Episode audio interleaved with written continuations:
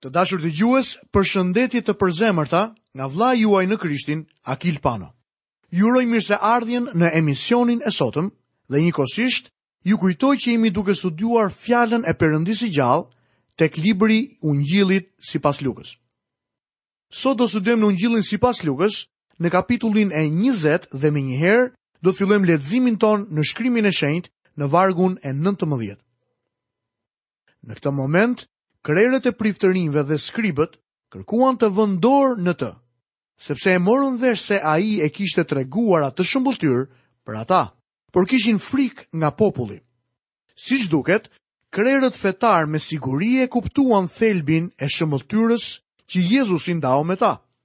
Por problemi është se shumë vetë në kishën e sotme e kanë humbur thelbin e çështjes. Le të lexojmë më poshtë vargun e 21. Ata e përgjonin me kujdes dhe i dërguan disa spiunë, të cilët, duke u paraqitur si njerëz të drejtë, ta zinin në gabim në ndonjë ligjëratë dhe pastaj t'ia dorëzonin pushtetit, autoritetit të guvernatorit. Këta njerëz ishin hipokritë të vërtetë. Le të shohim më poshtë vargun 22. Këta e pyetën duke thënë: Mësues, ne e dimë se ti flet dhe mëson drejt, dhe që nuk je aspak i anshëm, por mëson rrugën e Perëndisë në të vërtetë. Herodianët ishin të vetmit që shtruan këtë pyetje, sepse donin të çliroheshin prej Çezarit dhe të vendosnin shtëpinë e Herodit mbi Izrael. Le të lexojmë më poshtë vargjet 23 dhe 24. A është e lejueshme për ne t'i paguajmë taksë Çezarit apo jo? Por ai duke e kuptuar ligësinë e tyre, u tha atyre: Përse më provokoni? Më tregoni një denar. E kujt është fytyra dhe mbishkrimi që ka? Dhe ata duke u përgjigjur, thanë: E Çezarit. Pyetja e Herodianëve ishte formuluar në mënyrë të tillë që ta zinte Jezusin në grackë. Nëse do të thoshte po, për të paguar taksën ndaj Çezarit, atëherë ai do ta vendoste Çezarin para Moisiut dhe para Mesias. Nëse do t'i thoshte jo, pagesës së taksës, atëherë pritej që të arrestohej nga Roma. Metoda që përdori Jezusi në trajtimin e kësaj çështje është një kryevepër. Ai kërkoi një monedhë romake. A do të thotë kjo që Jezusi nuk kishte para?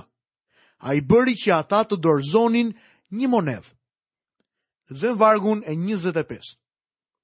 Atëherë ai u tha atyre, i jepni pra Cezarit, atë që i përket Cezarit, dhe Perëndisë, atë që është e Perëndisë. Këta njerëz po përdornin monedhën ligjore të perandorisë romake. Roma siguronte disa privilegje dhe avantazhe.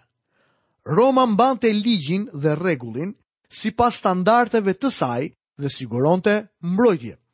Roma ndërtonte dhe mirëmbante rrugët, hapte portet për udhëtimet me anije. Ajo kishte një sistem aktual universal që ishte një ndihmë për biznesin. Hebrenjtë i detyroheshin Romës diçka për përdorimin e monedhës, rrugëve, ligjit dhe rregullit. Pra Cezari duhet të merrte diçka. Perëndia gjithashtu duhet të merrte diçka. Ai siguroi të gjitha shërbimet e nevojshme, apo jo? Dritën, ajrin, ujin dhe elementet me të cilët u bënë rrugët dhe monedhat. Ka dy fusha në jetë për të cilat kemi përgjegjësi. Njeriu ka detyrim tokësor dhe qiellor. Ai ka gjithashtu një përgjegjësi fizike dhe një përgjegjësi shpirtërore. Qytetarët e qiellit duhet të paguajnë taksa këtu në tokë. Shtegtarët këtu në tokë duhet të depozitojnë pasuri të përjetshme në qiell. Le të shohim më poshtë Jezusin i cili qetëson saducenjtë në lidhje me ringjalljen. Lexojmë vargjet 27 dhe 28. Pastaj iu afruan disa saducenj të cilët mohojnë se ka ringjallje dhe e pyetën. Mësues, Moisiu na la të shkruar që nëse vëllai i dikujt vdes, kishte grua dhe vdiq pa lënë fëmijë, i vëllai ta marrë gruan e tij dhe t'i ngjallë pasardhës vëllait të vet. Ju mund ta gjeni këtë tek Ligji i Përtërirë, kapitulli 25, vargu 5 dhe 6. Ky ishte një ligj i pazakontë, por ne e shohim të zbatuar në librin e Ruthit. Lexojmë vargjet 29 deri 33. Tashti ishin shtatë vëllezër. I pari u martua dhe vdiq pa lënë fëmijë. I dyti e mori për grua dhe vdiq edhe ai pa lënë fëmijë. E mori pastaj i treti dhe kështu që të shtatë vdiqën pa lënë fëmijë. Dhe pas tyre vdiq edhe gruaja. Atëherë në ringjallje, e kujt do të jetë gruaja? Sepse që të shtatë e patën për grua. Sigurisht që pyetja e tyre ishte shumë qesharake. Le të shohim më poshtë përgjigjen që Jezusi u jep këtyre individëve. Lexojmë vargun 33 deri në vargun 36.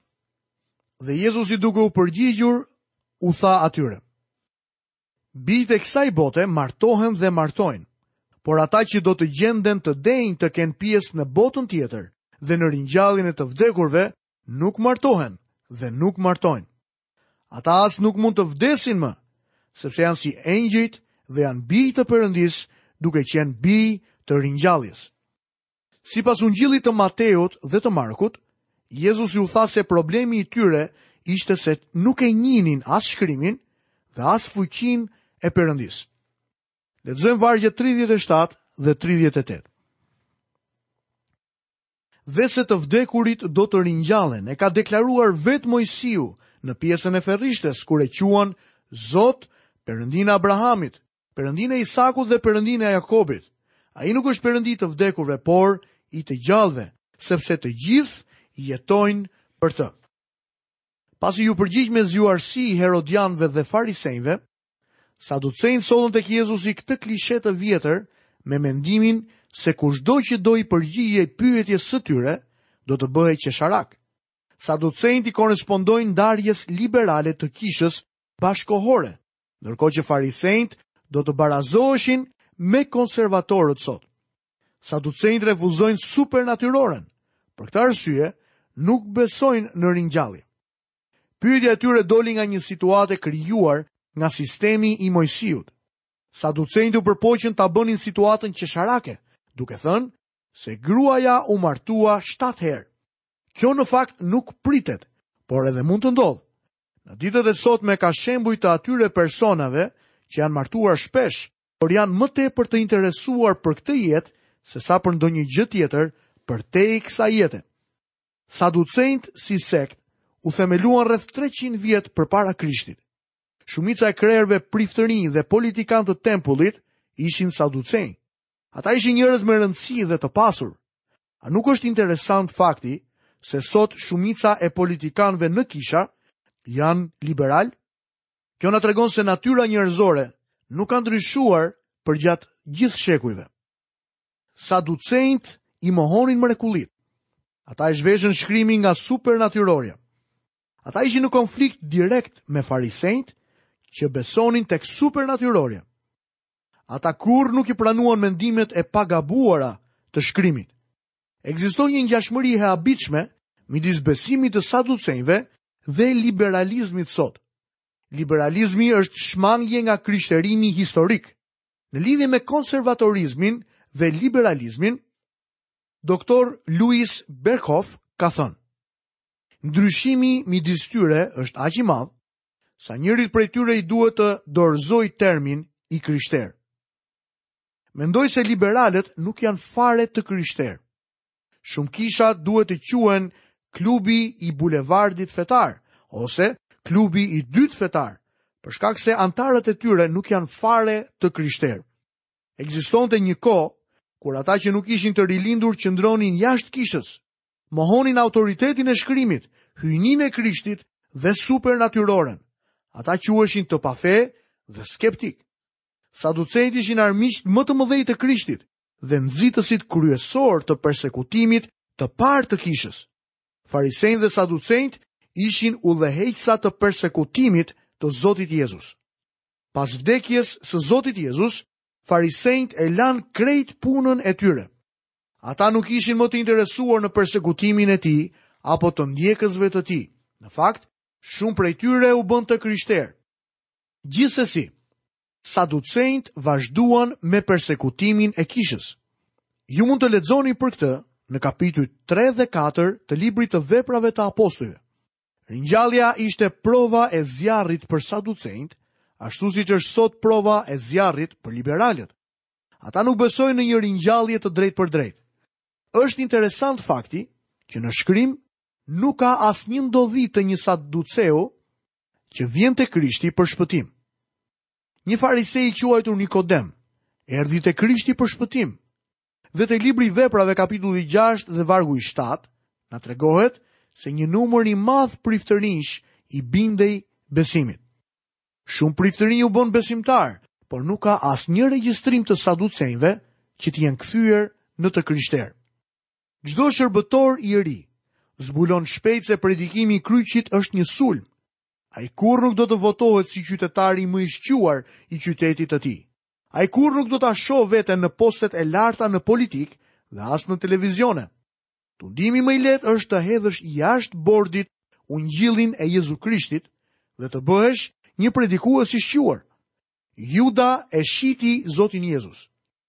Pjetri ishte ai që e mohoi, por e donte, kështu që u kthye sërish tek ai. Kur një njeri e shet Krishtin për famën e tij, ai nuk do të kthehet më kurrë. Profeti Jeremia në kapitullin e 13 të librit të tij dhe në vargun 23 na thotë, A mundet një etiopas të ndryshojë lëkurën e tij, apo një tigër të këmbejë lëkurën me vija? Herës tjetër mund të ndodhë që disa optimistë të tepruar të thonë se liberalët po kthehen te Krishti. Harrojeni. Saducenjtë ishin armiqtë më të këqij të ungjillit të Jezu Krishtit, qoftë në shekullin e parë apo në shekullin e 21.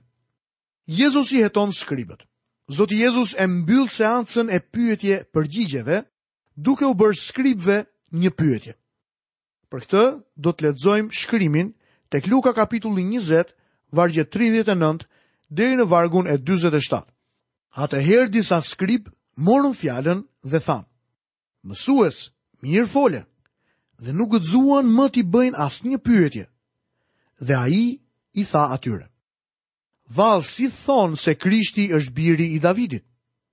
Dhe Davidi në librin e psalmeve thotë, Zoti i tha Zotit tim, ulu në të djathën time, derisa unë t'i vë armiqtë e tu si stol të këmbëve të tua. Davidi pra e quan Zot, si mund të jetë bir i tij. Dhe ndërsa gjithë populli po e dëgjonte, ai u tha dishepujve të vet. Ruhuni nga skribët, të cilët shëtisin me kënaqësi me rroba të gjata, duan t'i përshëndesin nëpër sheshe, të jenë në vendet e para në sinagoga dhe në krye të vendit nëpër gosti. Ata gllabërojnë shtëpitë e të vejave dhe për t'u dukur bëjnë lutje të gjata. ata do të marrin një dënim më të rëndë.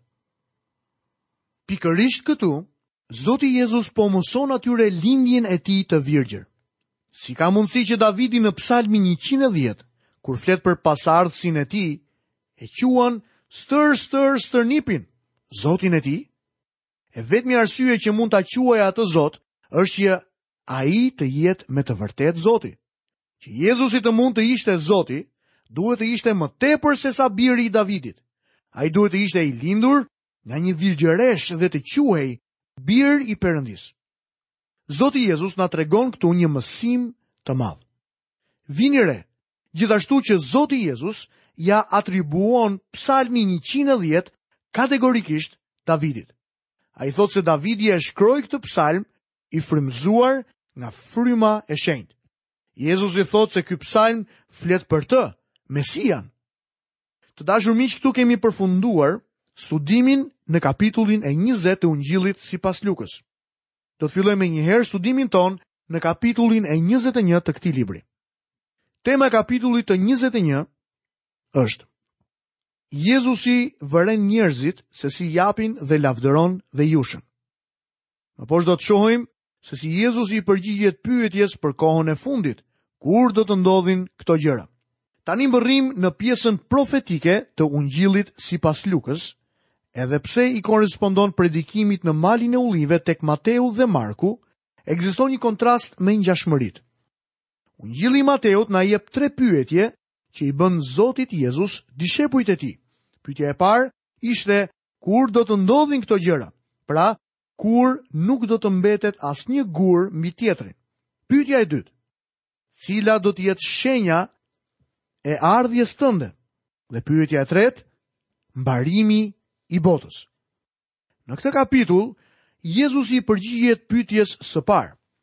Ungjilltari Luka trajton një nga aspektet më praktike të profecisë dhe nuk ka asnjë mister apo spekulim në kuptimin e tij, sepse ngjarja që tregon Luka nuk është më profeci, por histori. Ajo u përmbush në vitin 70 pas Krishtit. Në fund të fundit, Profecia është kallëpi në të cilin është zbrazur historia dhe këtu në tokë janë mbushur disa kallëpe.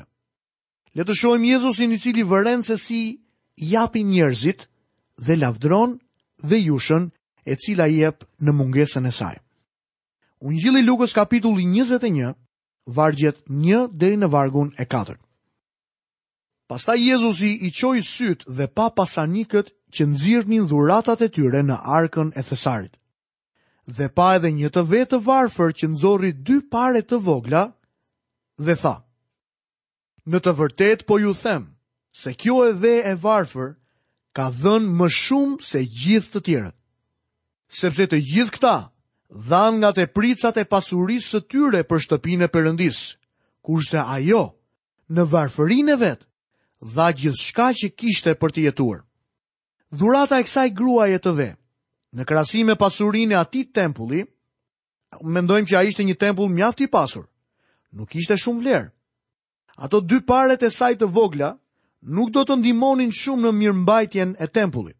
Gjithsesi, Zoti ynë nuk e mat të dhënurin në mënyrën siç ne e masim. Nuk e mat me vlerën e asaj që jep, por me vlerën e asaj që ti mban për vete.